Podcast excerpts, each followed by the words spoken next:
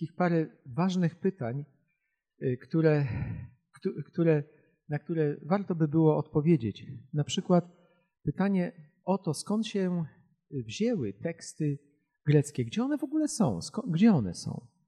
Otóż teksty greckie i hebrajskie są w bibliotekach albo gdzieś są, gdzie jeszcze ich nie odkryto, może w, jakich w jakichś jaskiniach, do których jeszcze nie dotarliśmy. Nie możemy powiedzieć na obecnym etapie, że już wszystko znaleźliśmy. Poszukiwania trwają. I właśnie to jest całe piękno. Ale ktoś powie, no dobrze, ale ponieważ ten tekst jeszcze właściwie na teraz jest taki, jaki jest, a co będzie później? Co będzie później, to my nie wiemy. Na teraz wiemy, że mamy Jezusa i się nie boimy o przyszłość.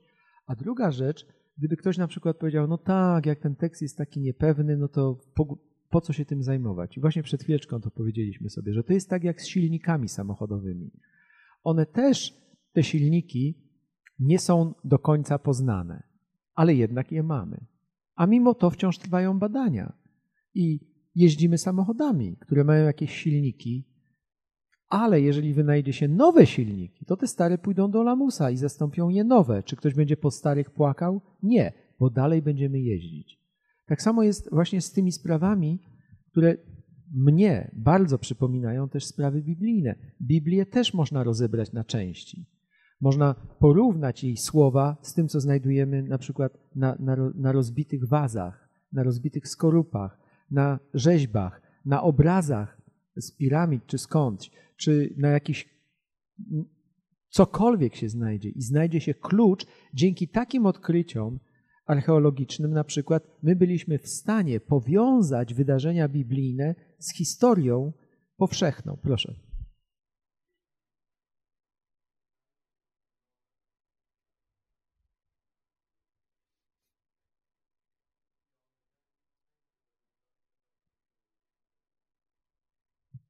no to się będziemy wtedy martwić. Y, na razie ja myślę sobie, że, że my na przykład, i to też byłoby takie y, ciekawe, y, kiedy ja komuś zadałem pytanie, teraz wam tak to rzucę, że wiemy z Pisma Świętego, że apostoł Paweł pisał więcej niż mamy w Nowym Testamencie.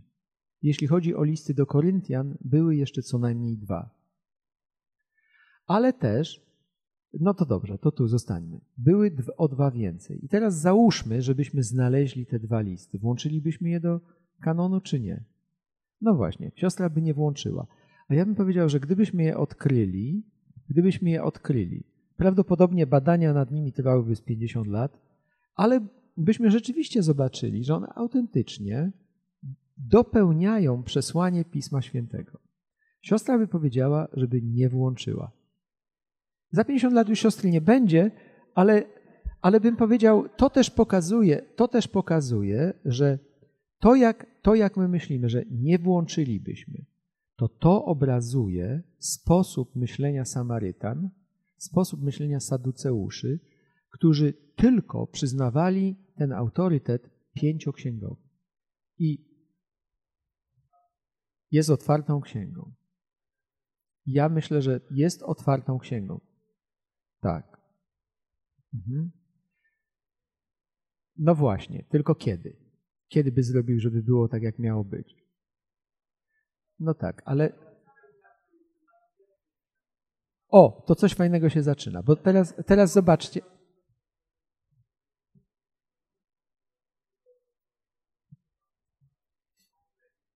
To też dobrze, że brat podnosi te sprawy, bo tak, proszę zwrócić uwagę, że Dlatego właśnie na samym początku to ważne jest. Brat wa ważne rzeczy mówi, siostra też do tego się jeszcze odniosę, ale brat powiedział o tym, że co z tym, kto doda, kto ujmie. Otóż ja powiedziałem, że Biblia jest biblioteką ksiąg. Księga Objawienia nie wiedziała, że są jeszcze inne księgi. Właściwie to Księga Objawienia to akurat wiedziała, bo jest jedną z późniejszych, ale ona mówi o sobie, o swoim proroctwie, kto do tego doda, bo zbiór ksiąg Nowego Testamentu, pierwszy spis ksiąg Nowego Testamentu pochodzi ze 150 roku po Chrystusie. Jezus Chrystus nie wskazał, które księgi wchodzą do, do zbioru Nowego Testamentu. To jest dziełem późniejszej tradycji. Pier...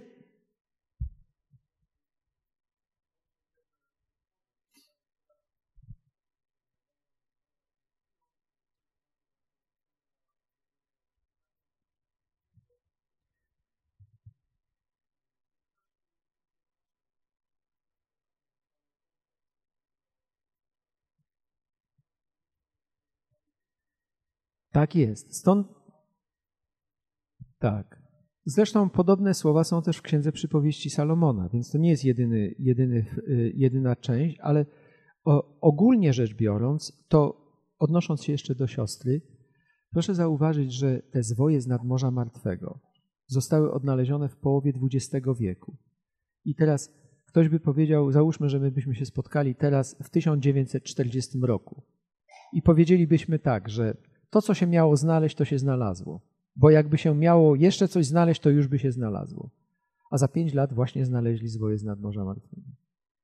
I co? I powiem wam, że tekst, nie, nie we wszystkich przypadkach, ale są przypadki, i w naszym przekładzie jest to ujęte. Ten przekład jest najnowocześniejszy na obecnym etapie. Na pewno ktoś stworzy nowocześniejszy, bo tak to już należy do natury życia, ale na razie jest najnowocześniejszy, jeśli chodzi o, o jakby o danie głosu na przykład y, wariantom z nadmorza martwego. I teraz y, tekst tych zwojów z nadmorza martwego zaświadcza niektóre fragmenty lepsze niż wcześniejszy tekst masorecki, ten hebrajski tekst. Stąd, gdyby ktoś powiedział, tak jak siostra na przykład mówi, i to dobrze nie polemizuje z siostrą, że nie włączamy nic, to powiem siostrze, że szkoda by było, bo tam są naprawdę takie warianty tekstowe po prostu lepsze. W tekście masoreckim były przypadki zaginionych wersetów. I gdyby siostra wzięła starsze przekłady Biblii, na przykład King James, Biblię Gdańską, współcześnioną Biblię Gdańską i te wszystkie, które mówią, że są lepsze niż nowe, to by zobaczyła siostra, że nie są lepsze. Po prostu ludzie nie wiedzą, co mówią. Nie mogą być lepsze, bo są oparte na mniejszej liczbie świadectw tekstowych. Te późniejsze, nowe znaleziska uzupełniają brakujące rzeczy wcześniejszych ksiąg. Y, przy... No właśnie, to już byśmy wchodzili w takie. Tak.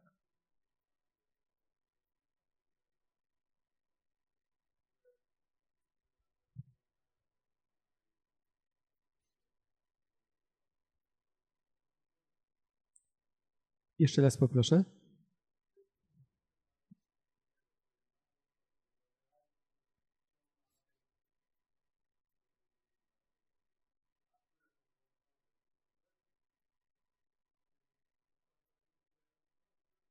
No, tak nie można powiedzieć.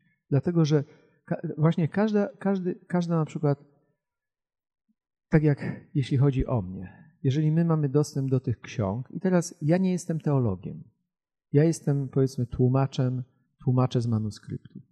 I teraz dla mnie nie, nie istnieje coś takiego, żeby powiedzieć, tamci się mylili, a ja się nie mylę. Ja raczej powiem, powiedziałbym tak, że tamten przekład nie ujmuje tych ksiąg, a ten przekład ujmuje te księgi. I ten dobry jest, ten jest dobry i, do, i ten jest dobry. Tak. One mają wartość z całą pewnością. Mają wartość taką, że wypełniają, yy, że na przykład dzięki tym, tej literaturze międzytestamentowej my rozumiemy lepiej niektóre rzeczy, które ma, miały miejsce w Nowym Testamencie. Jeżeli my tak jak to teraz jest praktyką. Taka praktyka wśród protestantów nie, nie była wcześniej. Myślę, że to w XX wieku pod jakimś nastało tak, że my bierzemy tylko te 66 kanonicznych, a resztę skazujemy na zapomnienie. Na początku w reformacji protestanci też do Biblii Gdańskiej przetłumaczyli księgi deuterokanoniczne i apokryficzne, chociaż po prostu stwierdzili, że te księgi są deuteronomiczne i apokryficzne, ale one są. Warto je poczytać, żeby się czegoś dowiedzieć. I że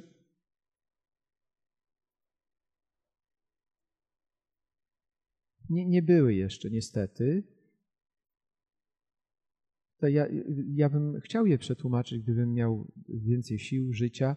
Y, I, i na, dlatego, że, dlatego, że y, w tych księgach machabejskich te księgi machabejskie ujmują historię Machabeuszy. I te księgi machabejskie też są pewnym świadectwem, w jaki sposób wydarzenia polityczne i, i też y, siła, powiedzmy, takich ludzi i autorytetu takich ludzi, jakimi byli Machabeusze, wpływała na to, na przykład na kapłaństwo. Machabeusze byli kapłanami, chociaż nie powinni, to nie byli lewici, a jednak sprawowali tą władzę taką kapłańską przez kilka, kilkadziesięcioleci. To też pokazuje jakby pewne, że my w Starym Testamencie widzimy jakieś prawa, a potem widzimy, jak one w praktyce były stosowane. Dla mnie szokiem na przykład było, kiedy odkryłem, że część y, ksiąg przypowieści Salomona to jest, są wzięte z egipskich ksiąg mądrościowych. To był dla mnie szok, ale potem się otrząsnąłem i zobaczyłem, że apostoł Paweł za tekst kazalny zrobił, nigdy żaden protestant by tego nie zrobił, żaden kaznodzieja zielonoświątkowy czy inny, że wziąłby za podstawę kazania fragment literatury innej religii. A to zrobił Paweł, gdy przemawiał na Areopagu. I to mi zaczyna zastanawiać się, czy oni mieli takie same podejście do Biblii jak my. Może mieli inne, lepsze, szersze. Może warto się czegoś od nich nauczyć. W ten sposób ta księga jako taka uczy nas podejścia do samej siebie. Ja, y, zakończyliśmy y, i teraz tak, ponieważ powoli będzie się nawet dziewiąta za 20 minut zbliżała, to jeżeli wy macie jakieś pytania, to zadawajcie je od razu i nawet jeżeli ta cała sesja nie będzie wypełnieniem tych, tych, y, tych kartek, to ja je doślę, ale o wiele ważniejsze byłoby, żebyście mieli odpowiedź na pytania. Skoro ja tu już jestem, a tego tu nie będzie, to będziecie wiedzieli po otrzymaniu tych notatek i tak będziecie wiedzieli dużo więcej. Jeżeli macie pytania o coś, to, to teraz.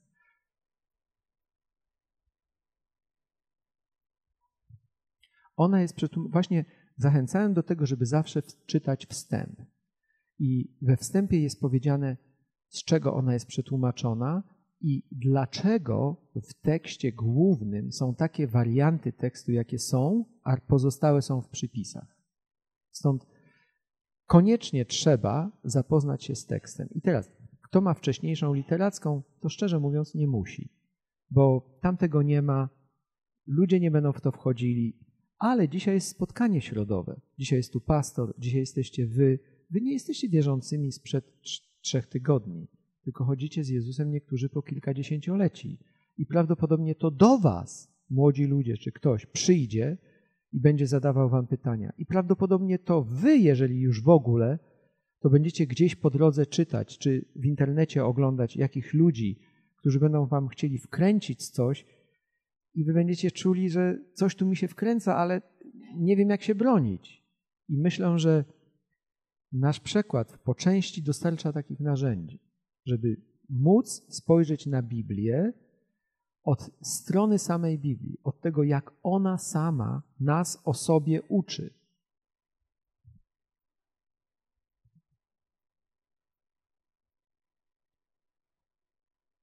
Na przykład Księga Psalmów. Księdze Psalmów y, ze zwojów z nadmorza martwego pochodzi trzy czy cztery dodatkowe wersety, które uzupełniły wersety Księgi Psalmów. Niektóre, niektóre, u nas też to znajdziecie. Wszystko jest opisane. Było tak, że na przykład niektóre psalmy są takimi psalmami alfabetycznymi, że każda, każdy werset psalmów zaczyna się na jakąś literkę hebrajską ale na przykład w psalmie brakuje w ogóle, brakuje tego fragmentu, nie ma jakby wersetu na tą literkę. I mogło, nieraz w Septuagincie był ten werset, który jeżeli przetłumaczyć jakby wstecz, no oczywiście on jest zaginionym wariantem, ale gdyby tłumaczyć wstecz, to pasuje do literki, która, którą można by tam wstawić. Prawie że powszechnie, prawie wszystkie współczesne pisma, wydania Pisma Świętego ujmują niektóre fragmenty psalmów, których wcześniej nie było. Niektóre tego nie robią. Na przykład dla nas taki istotny y, fragment, możecie to sami sobie sprawdzić. Psalm 22, 17, 18. On y, mówi, gdy czytamy, że przebili jego ręce i nogi. Ale tekst hebrajski mówi, jak lew jego ręce i nogi. Jak lew moje ręce i nogi. Przebili moje ręce i nogi, jak, jak lew moje ręce i nogi. I teraz, ponieważ w Septuagincie, czyli w tym greckim przekładzie jest przebili moje ręce i nogi, a w, grec, w hebrajskim tekście jest jak lew moje ręce i nogi, to na przykład jak lew moje ręce i nogi jest w ESV. dlatego że oni chcieli się koniecznie trzymać tekstu hebrajskiego. Moim zdaniem zrobili błąd, dlatego że, że wśród zwojów z nadmorza martwego znalazł się też dokument, w którym też jest wariant przebili moje ręce i nogi. I wtedy Żydzi oskarżali chrześcijan, że pomajstrowali w Septuagincie, żeby im wyszło chrystologicznie. Okazuje się, że nie pomajstrowali, bo taki wariant też był. Dzięki, zwo, dzięki zwojom z nadmorza martwego też wzrósł autorytet Septuaginty. Stąd gdybym miał długie życie, dłuższe życie, tak myślę, to chciałbym kiedyś przyjechać do, do Cleveland i spotkać was, żeby czas się zatrzymał, żeby w Starym Testamencie był też przekład z Septuaginty, na przykład jedna szpalta z hebrajskiego, jedna z Septuaginty, no i oczywiście w Nowym Testamencie to z greckiego, bo inaczej, inaczej być nie może. Tak.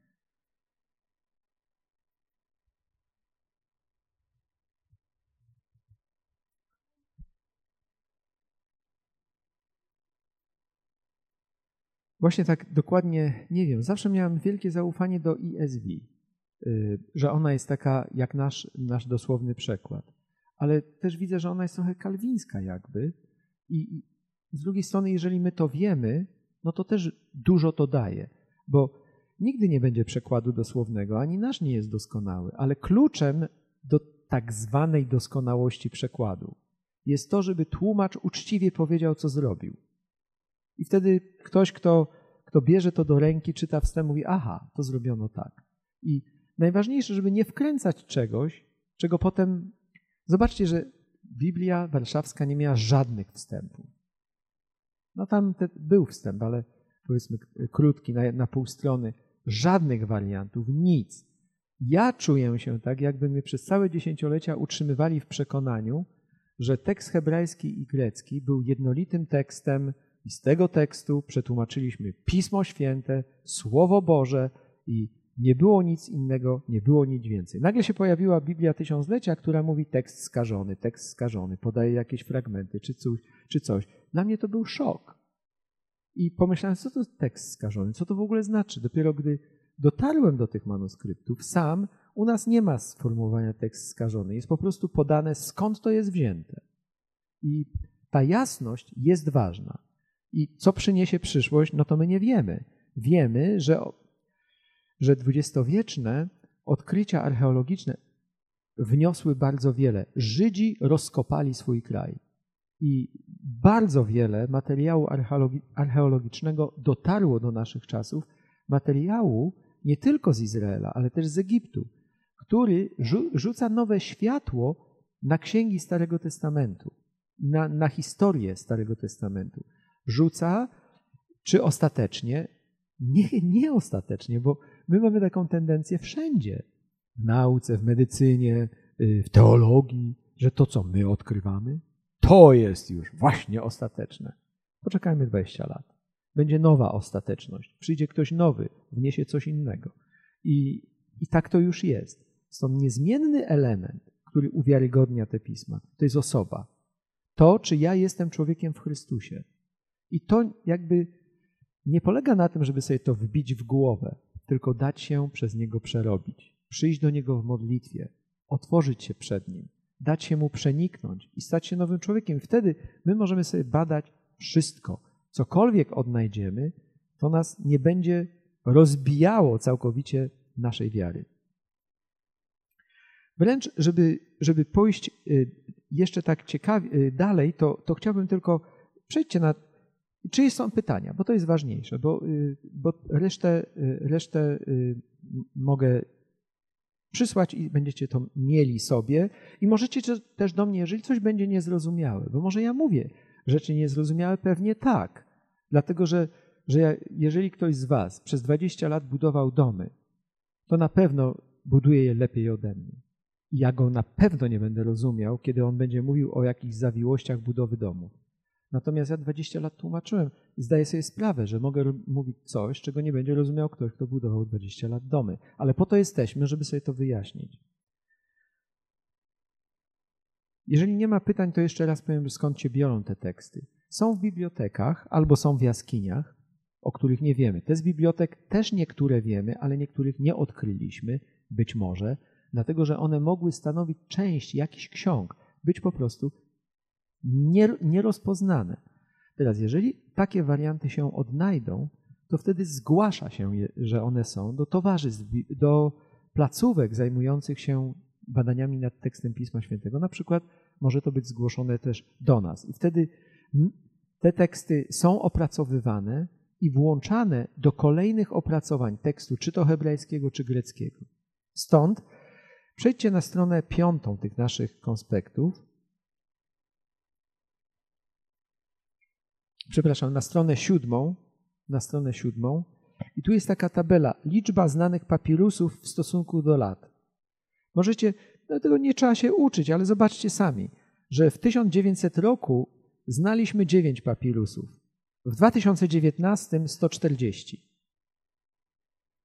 Teraz liczba znanych manuskryptów majuskułowych, to znaczy tam jest niższa tabela kolejna. Majuskułowe manuskrypty są takie. Teraz uważajcie. Manuskrypty majuskułowe to są takie manuskrypty, gdzie wszystko jest pisane wielkimi literami, wielkimi literami, bez odstępów i interpunkcji. Nie ma tam odstępów, nie ma tam interpunkcji. Manuskrypty pisane małymi literami, z odstępami i z jakąś, z jakąś interpunkcją, to jest 800 lat po Jezusie dopiero. 800 lat. Pierwsze manuskrypty, pierwsze papirusy nie miały tego wszystkiego. I teraz na, tworzy to sporo problemów takich interpretacyjnych, ale też y, jakby ludzie, mi się wydaje, że ludziom mądrym też uświadamia, że o niektóre kwestie nie ma sensu się spierać. Trzeba po prostu powiedzieć, że może być tak bądź tak, szukać kontekstu, szukać szerszego kontekstu, może spoza innej literatury, ale, ale po prostu się nie spożyć. Teraz patrzcie na te y, manuskrypty majuskułowe. W XVIII wieku było 23, teraz jest ich 250. Manuskryptów, y, no to tylko majuskułowych. Jeszcze powinni być minuskułowe, których jest teraz 20, 2500. Tego jest naprawdę dużo. Technika komputerowa pozwala y, te manuskrypty Y, jakoś zestalić ze, ze, wszystkim, ze wszystkimi innymi. Jeszcze myślę, że, że powiem krótko, bo 10 minut za zostało, może to nam też w jakiś sposób pobudzi do pytań. Y, bo wiarygodność, jeżeli ktoś łączy wiarygodność y, z, z dokumentami, to może, może zauważać, że ta wiarygodność jest w opałach, bo ktoś może powiedzieć, te manuskrypty, no nie wiemy, czy one rzeczywiście, yy, czy one rzeczywiście, czy my, może tak, one zawierają to, co zawierają, tylko czy my rozumiemy, nawet jeśli je przetłumaczymy, to czy rozumiemy to, co one, co, co przetłumaczone zdania głoszą. Wątpliwość ta na przykład może być wyjaśniona na przykładzie tak zwanych idiomów, które wyznacie y, ze, z języka polskiego i angielskiego. Te idiomy są też w tekstach hebrajskich i są też w tekstach greckich. I one potrafią y, wpłynąć na to, jak my rozumiemy. Y, łatwo je przetłumaczyć, a trudniej zinterpretować, ale podam taki przykład mówi się, że jest, jest grzech na śmierć. I teraz spotkałem się z tym, że chrześcijanie tworzą kategorię grzechów, który jest na śmierć, który nie jest na śmierć. Wiemy, że na śmierć jest grzech przeciwko Duchowi Świętemu, ale jeszcze jakiś grzech na śmierć? Tymczasem jest hebrajski idiom. Gniewać się na śmierć, być smutnym na śmierć. To jest z księgi Jonasza. Po prostu on oznacza to, że, że ktoś się w swoim grzechu, jakby y, uparł na śmierć. Nie chce go zostawić. Grzeszy. I nie chodzi tu o to, że jest jakaś kategoria grzechu na śmierć, tylko chodzi o to, że ktoś się uparł w swoim grzeszeniu. I to niewybaczalny. Tylko tak, no właśnie. I, I to też jest w pierwszym liście Jana, w piątym rozdziale, w naszym przekładzie nawet literackim jest ujęte, jak to może być rozumiane. Inny idiom, który mi przychodzi na myśl, to na przykład yy,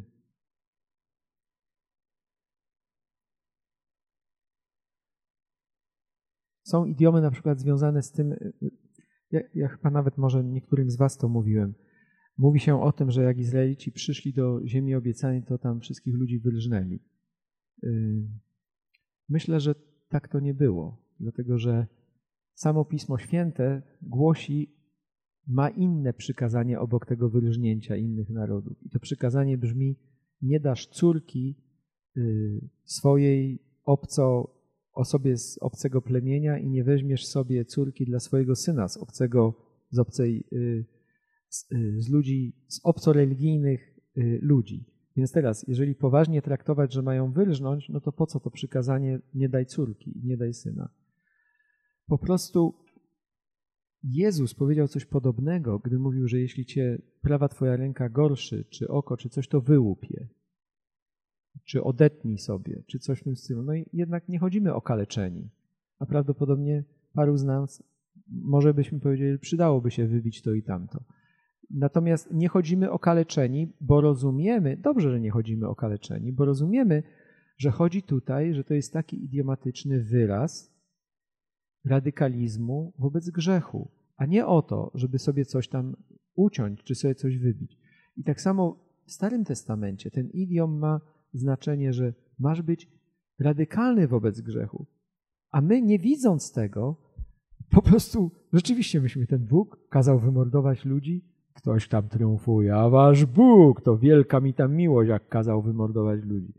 Może to oznaczać, że chodzi właśnie o wierność Jemu, która by graniczyła z tym, tak wielka była, że jeżeli miałbyś zgrzeszyć, to wylżnij ich, czy coś w tym stylu. Łączy to się też z tym, że Izraelici nauczyli się od tych narodów alfabetu. Nowy Stary Testament został prawdopodobnie pierwotnie pisany, pisany pismem zbliżonym do fenickiego, pismem wczesnohebrajskim zbliżonym do fenickiego. Potem na skutek niewoli babilońskiej, czyli, czyli powiedzmy w VI wieku przed Chrystusem, gdy, Izra- gdy Żydzi poszli do niewoli, wrócili, gdzieś przepisali całe Pismo Święte na, je, na al, alfabetem aramejskim i było już napisane alfabetem aramejskim, który znamy do dziś. Czyli jeżeli na przykład ktoś powie, ani jedna jota, ani jedna kreska nie przeminie z tego, co zostało napisane, trzeba powiedzieć, że wszystko przeminęło. Po prostu to nie, nie takie jest znaczenie tych słów Jezusa. Znaczenie słów Jezusa jest takie, że a czy widzimy z innych też, na przykład badań manuskryptów, że czasy Jezusa by, były czasami, kiedy, kiedy uczenie żydowscy starali się ujednolicić joty i kreski. Jezus mówi, jeżeli już chodzi o to, to ani jedna jota, ani jedna kreska nie przeminie. Natomiast nie chodzi tu o to, że nie zmieni się, czy każda kreseczka, joteczka się wypełni, bo one w jakiś sposób zostało wszystko przepisane na nowy alfabet. Stąd tu jest też taki fragment na stronie czwartej, wiarygodność w opałach. I jest takie głupi, bo tak mi się to złożyło. Wiarygodność pism, pism Świętych y, łączy właśnie się z tym, że często my łączymy ją z orzeczeniem i nie chcemy w ogóle dopuścić do takiej sytuacji, że, żeby się czegoś w ogóle nauczyć. I dla, dlatego ja tak myślę, że to, ta wiarygodność jest w opałach z powodu gnuśności. Że ogólnie rzecz biorąc, my jesteśmy niechętni do działania, nie chce nam się z lenistwa jakiegoś lub mamy jakiś interes też w tym, żeby nie dociekać, jak się sprawy mają. Myślę, że w naszych kościołach to jest. Po prostu, nawet Wam dam taki przykład. Ktoś do mnie przyszedł, przyniósł mi jakąś książkę i ja przeczytałem tą książkę i nie wiedziałem, dlaczego ta książka mi została dana i mówię do tej osoby, że, że dziękuję za tą książkę, nie wiem, dlaczego mi ją dałaś, czy, czy ja mam ocenić tą książkę, czy, czy dlaczego. Jeżeli miałbym oceniać, to tylko chciałem Ci powiedzieć, że, bo w tej książce było takie przesłanie. Nie ufaj swojemu rozumowi, ufaj swojemu sercu. Idź za sercem, nie za rozumem. Ja tak tylko powiedziałem, wiesz, słuchaj, y, w Piśmie Świętym akurat intelekt i serce to jest jedno. W Starym Testamencie głowa nie była od myślenia, głowa była od rządzenia, serce było od myślenia, nerki były odczucia. By, był, był inny rozkład. Y, I tak mówię, że, że ten rozdział, chciałem powiedzieć, że ten rozdział to jest nasz, dwudziestowieczny. On nie jest biblijny, że nie rozdzielaj go, to razem jest. Y, serce, myśl, intelekt i serce, czy rozum i serce jest w jednym miejscu. Coś tej osobie nie pasowało i mówi, że ten brat, który napisał książkę, no to on y, doprowadził do tego, że do Izraela wyjechało mnóstwo Żydów i dlatego musi mieć rację. Y, ja mówię, wiesz, no, że on doprowadził do wyjazdu Żydów, to ja nie mogę temu zaprzeczyć, no to bardzo dobrze, że zaprowadził, ale mówię, słuchaj, jeżeli jest piękna kobieta i mówi coś i co się mija z rzeczywistością, ale ponieważ jest piękna, to ma rację. No to ona mi odwaliła, że uwielbiam Cię Boże, że zakryłeś te rzeczy przed mądrymi i roztropnymi i objawiłeś prostaczko. No i wymiękłem, przegrałem. I ja myślę, że ta gnuśność powoduje, że my nie chcemy zbadać, jak się sprawy mają. Boimy się, bo zamieniliśmy Jezusa Chrystusa, więź z Nim, więź z Duchem Świętym na książkę. Druga rzecz, łatwizna, łatwowierność, która powoduje, że my nie wybieramy tego, co trudne. Czasem słuchamy jakichś właśnie właśnie nauczycieli, którzy tak podkreślają strasznie Biblię, że, że po prostu sami, nie znając pewnych rzeczy, no powinni się czegoś nauczyć. Uprzedzenia. To mówiłem wam, co było, jak przywieziono do, do, y, do y, Wielkiej Brytanii pięcioksiąg samarytańskich. Przesąd, że Bóg, jak tylko poddam, zacznę badać Pisma Święte, dociekać, co, jak tu jest, to Bóg mnie pokara za wątpienie. Nieprawda, nie pokara cię. Dochodź. Tak to pismo wygląda, dochodź wszystkiego. Ignorancja, która powoduje, że nie umiemy się odnieść do wiarygodności w sposób odpowiadający obecnemu stanowi badań. Nasi synowie, nasze dzieci przychodzą, między innymi nasi młodzi ludzie w naszym zborze. Idą na uczelnię, tam słyszą jakieś naukowcy coś mówią, często naukowcy z Izraela, Przychodzą do mamy, do taty, mama i tata nie wiedzą. Przychodzą do mnie. Co się dzieje? Chłopak przestaje chodzić na nabożeństwa, bo po co tu będzie chodził, jak tu się mówi rzeczy, które nie mają potwierdzenia w rzeczywistości. To nie jest tak, że one nie mają potwierdzenia w rzeczywistości, tylko jest tak, że jakby ta sprawa cała jest postawiona w niewłaściwy sposób. Więc nawet jeżeli dzisiaj nie wszystko byście jest dla Was zrozumiałe, to pytajcie i jeżeli zasiałem Wam jakieś wątpliwości, to się cieszę, dlatego że to też pobudza do myślenia. Tu jest jeszcze taka wiarygodność, wiarygodność a natchnienie nie wątp. Ja to chyba pokazywałem w Iri, kiedy byłem o to pytany, że wiarygodność Pisma Świętego w takim akrostychu się streszcza, nie wątp, gdzie tylko duże, wielkie litery coś znaczą, czyli N, W, T i P. Że ta wiarygodność, y, czy może natchnienie, bo ono ją się, natchnienie łączy się, natchnienie łączy się z wiarygodnością. Natchnienie Biblii nie jest werbalne. Niektórzy mówią, że każde słowo jest natchnione. To nie potwierdza się w rzeczywistości manuskryptów, dlatego że manuskrypty mają różne warianty, różną ortografię, a jednak znaczą to samo. Więc nie może być ta, to natchnienie w słowach. To nie jest werbalne. Nie jest też tekstowe, to znaczy są teksty różnej długości. Są krótsze, są dłuższe. Ale myśl jest ta sama. Na dodatek chcę powiedzieć, że przez pierwsze co najmniej, co najmniej 20 lat chrześcijaństwa apostoł Paweł, zobaczcie to sami, drugi list do Tesaloniczan, 2, 3, pierwszy list do Tesaloniczan 2.13, gdzie apostoł Paweł mówi Cieszę się, że gdy przyszedłem do was z moim słowem, to, które z wam zwiastowałem, to je przyjęliście nie jako słowo ludzkie, ale jako słowo Boże, które też w was, w wierzących, skutecznie działa. Czyli on nie przyszedł z książką, nie przyszedł z konspektem jak ja, tylko ze zwiastowaniem ustnym. Nie sądzę, że on klepał wierszyki. Tam słowa kazania mogłyby się różnić, ale nie różnił się sens Ewangelii. I ten sens jest natchniony, więc nie jest werbalne, nie jest tekstowe. Natchnienie łączy się z tym P. Chodzi o przesłanie. I to jest ta moc sprawcza przesłania, które jeśli przyjmiesz wiarą, to nowy byt w tobie odsłoni. Staniesz się nowym człowiekiem, tak jak Paweł mówi, że to jest coś, co cię przemieni.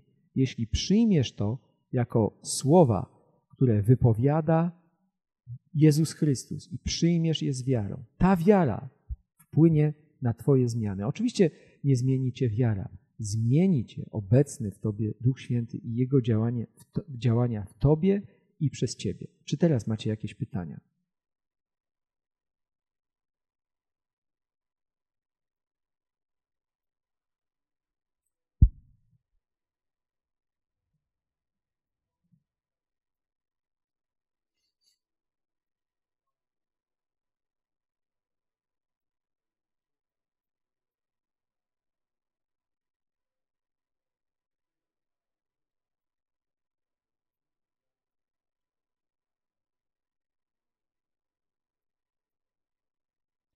Myślę sobie, tak jest. Tak można powiedzieć i myślę sobie, że, że to, co brat teraz powiedział, to dla wielu byłoby szokujące, ale proszę zobaczyć, że tak zrobił apostoł Paweł. Apostoł Paweł przyszedł na Areopag i nie wyciągnął Starego Przymierza, tylko te słowa, zobaczcie do przekładu dosłownego, tam jest dokładnie opisane. On wziął te słowa z pisarzy greckich, z Epimenedesa, jeszcze wyleciało mi z głowy i, on wziął ten, to, co się mówi, piękny skądinąd cytat, że w nim poruszamy się, żyjemy i jesteśmy. To nie jest z Biblii, to jest z greckiego y, pisarza, ale czy to ktoś powie, no to wobec tego, no to jak? To wszystko jest y, gdzieś indziej też Pismo Święte, jak to jest? No właśnie dla mnie było szokiem, że w przypowieściach jest dużo mądrości egipskich, że apostoł Paweł sięga do poetów greckich i zacząłem sobie myśleć, czy to, czy przypadkiem oni nie wiedzieli lepiej i nie wiedzieli więcej niż my, bo na przykład myślę, że my myślimy, że Bóg jest Bogiem Żydów, czy Bogiem Izraelitów. Ja bym powiedział, Bóg jest Bogiem człowieka. Pierwsi nie byli Żydzi, pierwszy był człowiek. Pierwszy człowiek nie był Żydem, tylko był człowiekiem. I od niego powstały wszystkie rodziny na świecie. I Bóg kocha wszystkich ludzi nie tylko jeden naród. I nikt nie może sobie zawłaszczyć Boga dla swojej tradycji i dla swojej kultury.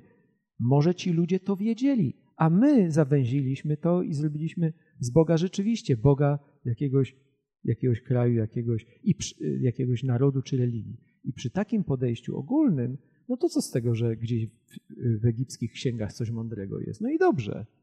Samo Pismo Święte jest tego świadectwem. Mędrcy ze wschodu przyszli, rodzimi nie chcieli się ruszyć ze swoich nor, a ci przyszli z daleka i oddali mu pokłon. Więc to też pokazuje mi ten cały proces i praca nad Pismem Świętym, że skoro Pismo Święte tak sprawy przedstawia, to dlaczego tego nie przyjąć? Dlaczego? Ja powiem tak, że jeżeli ja w głównej mierze odnalazłem się, czy z różnych powodów, o których nie będę mówił, kościele baptystów. Kościół baptystów się szczyci, że jest zawsze reformowalny.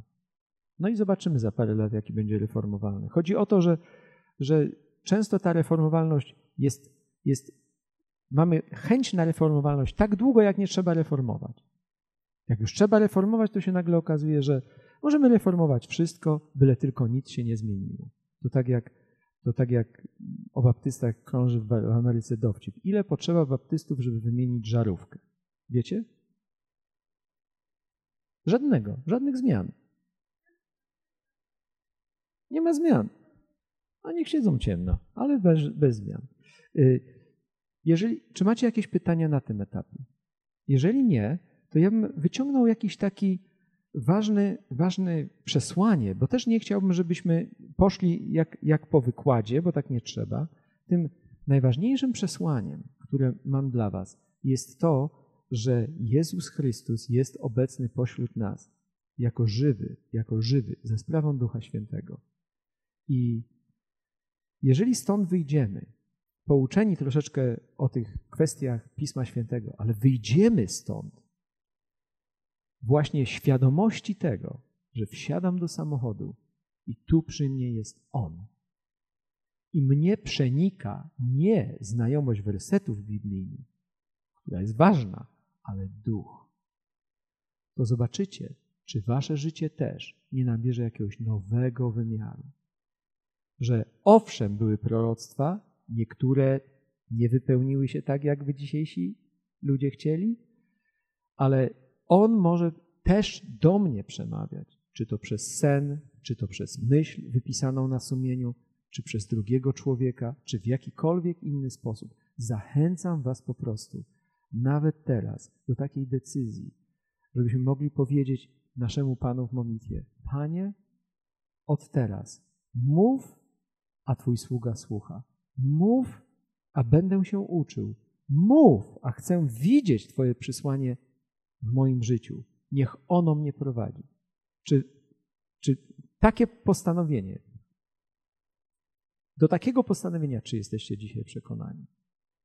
Jeżeli tak, to nie zmarnowaliśmy ani chwili. I na koniec, zupełnie bez 10 po 9 już, to powiem w ten sposób, że jeżeli brat pastor y, Piotr y, Chojnacki, myślę, że też mi podeśle jakieś, bo ja nie wiem wszystkiego, podeśle mi jakieś strony internetowe czy, czy coś tam, gdzie, gdzie jacyś ludzie głoszą jakieś rzeczy i, i chciał wiedzieć, co ja na ten temat myślę, y, jako tłumacz. Też nie, znalaz- nie zjadłem wszystkich rozumów. To nie jest tak, że ja wszystko wiem. Ja wiem tylko to, co się tyczy tych manuskryptów, Pisma Świętego. To wiem albo mogę się dowiedzieć. Teologiem jestem marnym. Kiedyś uczyłem teologii, ale to było 23 czy 24 lata temu. Przez ten czas się sporo zmieniło. Ale, ale mogę odpowiedzieć Wam, jeżeli takie coś mi podeślecie, na kwestie, które są kwestiami biblijnymi. Będziecie wzbogaceni. Oczywiście, jeżeli wyślecie mi swoje namiary i te namiary są też tutaj na samym końcu. PETZ małpa feib.pl To jest adres naszego Instytutu Biblijnego. Jeśli są jeszcze jakieś pytania, to proszę. Tak. To, to było tak, że ja już mówię, aha, wam, wam nie mówiłem, ale też mogę krótko powiedzieć, że zaczęło się chyba od tego, że ja myślałem, że chrześcijaństwo polega na tym, że się żyje według Pisma Świętego. Tak jak się żyje według przykazań, że chrześcijanin to jest człowiek, który ma powiedzmy 10 przykazań i, je, i ich przestrzega. Ja myślałem, że właśnie te 10 przykazań należy przestrzegać i to stanowi. Przestrzegać przykazań, wierzyć w Jezusa. Potem mi się to wzmocniło, że no jeszcze naukę Jezusa trzeba przestrzegać. Taką szczególnie pokrywającą się z dziesięcioma przykazaniami.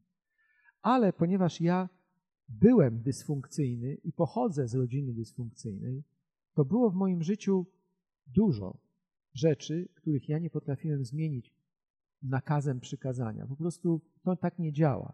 Na przykład można sobie nakazać, nie wiem co, na przykład, żeby nie zabijać ludzi, ale nie można sobie nakazać, żeby na przykład pokochać tego mężczyznę.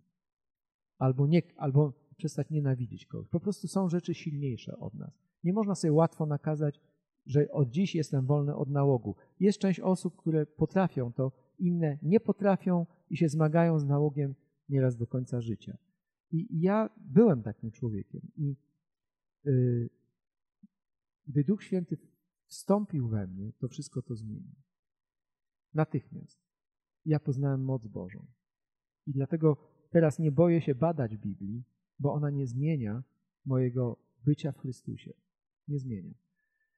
I też, gdy to się stało, to zacząłem czytać Pismo Święte, zaczęło mi się podobać. Nauczyłem się pierwszego listu Jana zaraz na początku. On jest tak piękny, że go po prostu wszedł mi na pamięć niemal sam. Y, I wtedy nasz kaznodzieja tak mi mówił. On też się uczył ze mną, on też rozdziałami całymi się uczył, tak jak ja też za jego przykładem. I on powiedział wtedy, Piotruś, ale w oryginałach jest więcej.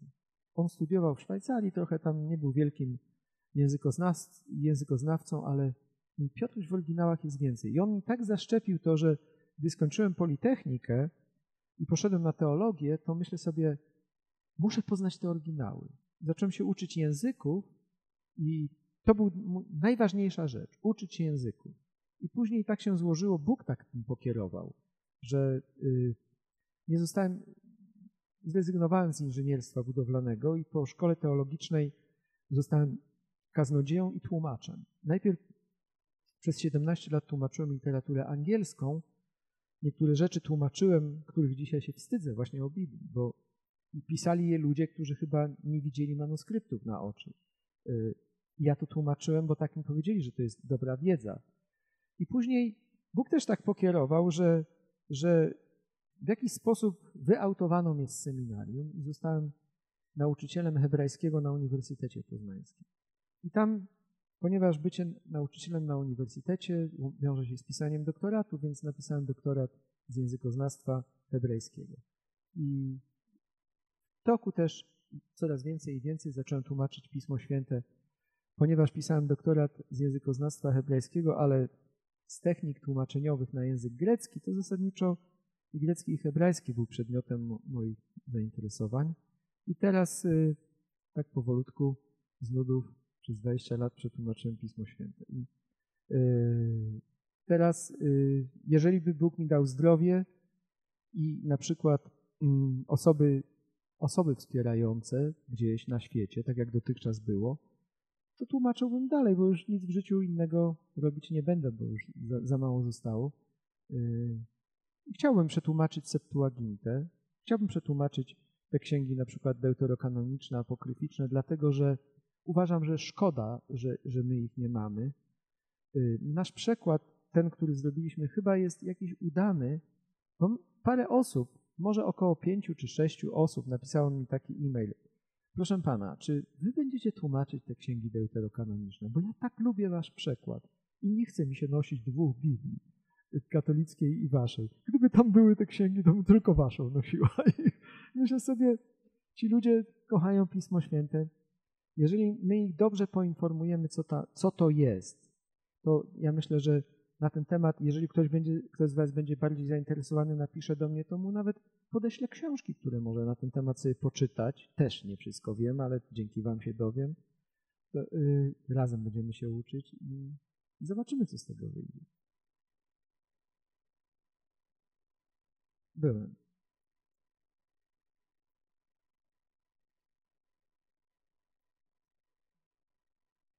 Tak, zmieniło. Bez Chrystusa oni są marni, żałośni. Po prostu wystarczyło, że się przyjechałem z Tel Awiwu, jednej wielkiej metropolii, do Jerozolimy, drugiej wielkiej metropolii w 40 minut.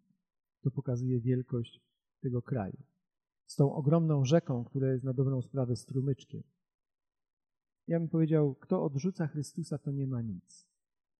I myślę, że, że Bóg tym ludziom pokazał naprawdę świat, ale ich zakapiorność religijna prowadzi do tego, że robią wielką sprawę z paru kamieni.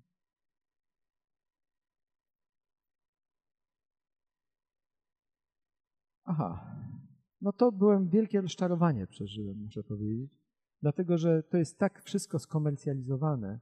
Kto był, to wie, idziemy tą Via Dolorosa, czy to, co jest tam, tam jest biznes, a nie Pan Jezus Chrystus. Tam możesz kupić, co chcesz, oko proroka, mrugającego z krzyża Pana Jezusa, cokolwiek. Robisz biznes, to jesteś tu chciany. I tak nawet, nawet powiem wam, że to była jakoś Wielkanoc. Byłem tam też nie na wycieczce, tylko na stypendium. Dostałem stypendium z Uniwersytetu w Tel Awiwie i mogłem tam być chyba pięć tygodni jakoś, tak? I yy, przychodziła Wielkanoc, ale się pomyliłem, bo o tydzień tam jakoś coś było przesunięte. Myślę sobie, pójdę tam, gdzie mój Jezus umarł za mnie. Ale tam już nie ma tego miejsca, jest świątynia. I to, do tej świątyni poszedłem, a tam się okazało, że trafiłem na kłótnię. Kłótnię wyznań chrześcijańskich. I o dostęp do świątyni. I żeby pogodzić tych chrześcijan, co uważam za całkowite zaprzeczenie czegokolwiek w chrześcijaństwie. To klucz i rozsądza między tymi zwaśnionymi chrześcijanami muzułmani. No, jakie to jest świadectwo? O czym my tu mówimy? Co to w ogóle jest? Po prostu szczerze mówię, szczerze powiem, że przyjechałem stamtąd całkowicie zniesmaczony. i nie chcę tam już nigdy jechać. Może będę musiał, ale w celach naukowych czy coś, ale to mnie w ogóle nie interesuje. Te ziemie święte i tak dalej.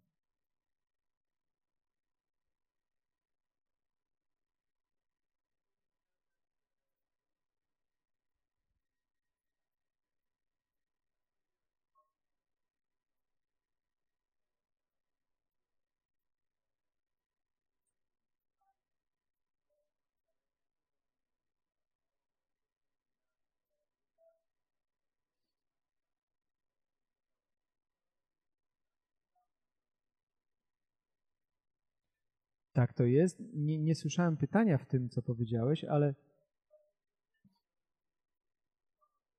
ja myślę sobie tak, że jeżeli my y, y, swoje życie łączymy z Jezusem, otwieramy się na Jego działanie i Jego przemianę, to bym powiedział, my możemy te wszystkie rzeczy potraktować jakby z dystansem.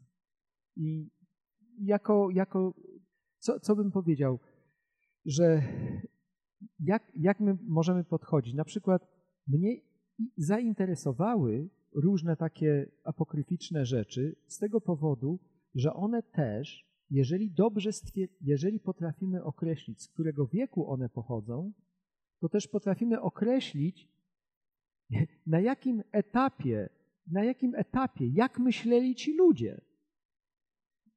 Co tworzyło, innymi słowy, zobaczcie, nawet we współczesnym chrześcijaństwie jest jakaś myśl biblijna, ale też jest, powiedzmy, taka myśl, że się idzie gdzieś na pielgrzymkę i tam jest jakieś objawienie, czy jakieś, jedzie się gdzieś do jakiejś znowu miejsca kultu i przywozi się święconą wodę, prawda? Jak ten kierowca, który przez granicę jechał, miał tą wodę, wiózł, y, ten na granicy mu sprawdził, kazał mu otworzyć, powąchał alkohol. Mówi, to pan wiezie alkohol, nie wodę z tego miejsca świętego. Mówi, no, o, psiako, znowu cud. Więc myślę sobie, że, że też mamy w chrześcijaństwie takie, tak, taką jasełkowatość, taką po prostu wiarę w takie no, bajki. I te, ta wiara w bajki, w rzeczy niestworzone jest też odzwierciedlona w tych wcześniejszych manuskryptach. I też myślę, ktoś powie, no to jeżeli nie będzie orzeczenia Kościoła, to jak oddzielimy jedno od drugiego? Ja myślę sobie, że oddzielimy. Mniej więcej tak, jak my oddzielamy byle jaką muzykę od wielkiej muzyki. Przecież to nie jest tak, że ministerstwo danego kraju decyduje, co będzie przebojem albo co będzie dziełem sztuki muzycznej. To, to, się, to się w jakiś sposób poleca samo poleca samo. Coś, co jest piękne i dobre, w końcu wchodzi do jakichś zbioru dzieł, które się poleca, lektury. Nie wybiera się na chybił trafił, tylko rzeczywiście wybiera się dzieła sztuki literackiej. I tak samo, gdy my zaczęliśmy też czytać w naszej grupie greckiej y, również takie pisma pozakanoniczne, to, to widać, że to jest coś innego. I nie ma jakiegoś oszustwa i ściemy i to samo za siebie mówi.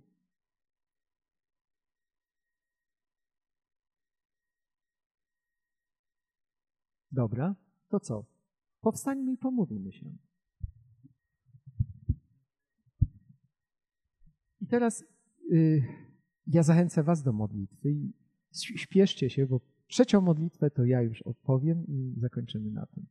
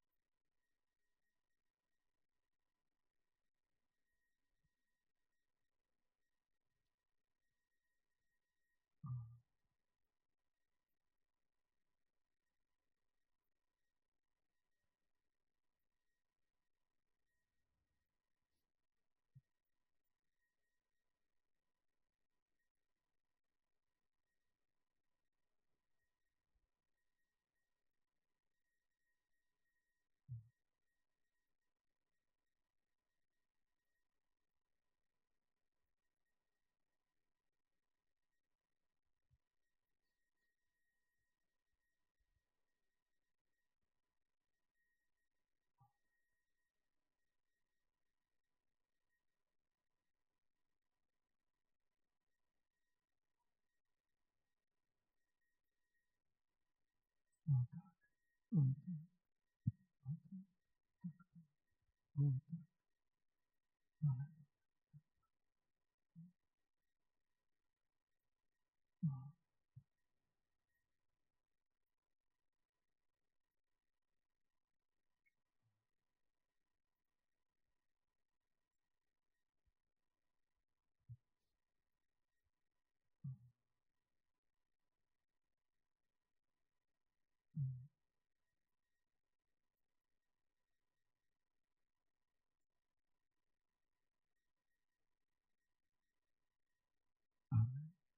Ojcze, ja Ci dziękuję, że tu jesteśmy przed Tobą i dziękuję Ci za Twoją obecność.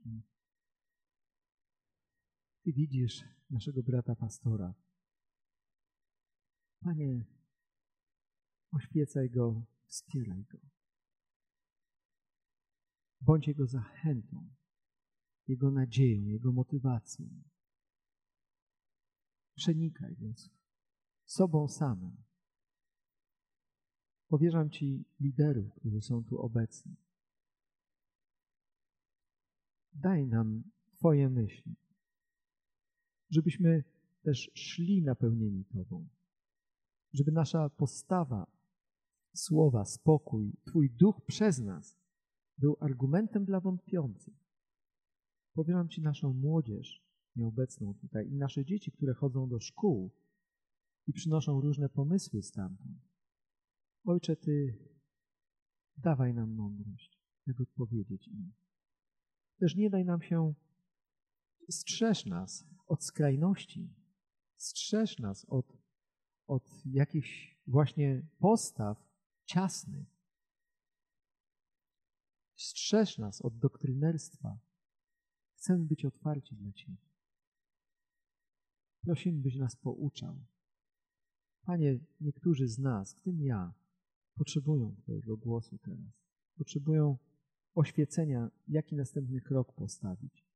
Może w życiu poszło coś nie tak, może wydarzenia potoczyły się nie tak i myślimy, że stało się źle, a to nie stało się źle, stało się inaczej, lepiej może z Twojego punktu widzenia. Daj mi oczy, daj nam oczy, żebyśmy zobaczyli to lepsze w tym, co z pozoru wygląda jako zamknięta droga.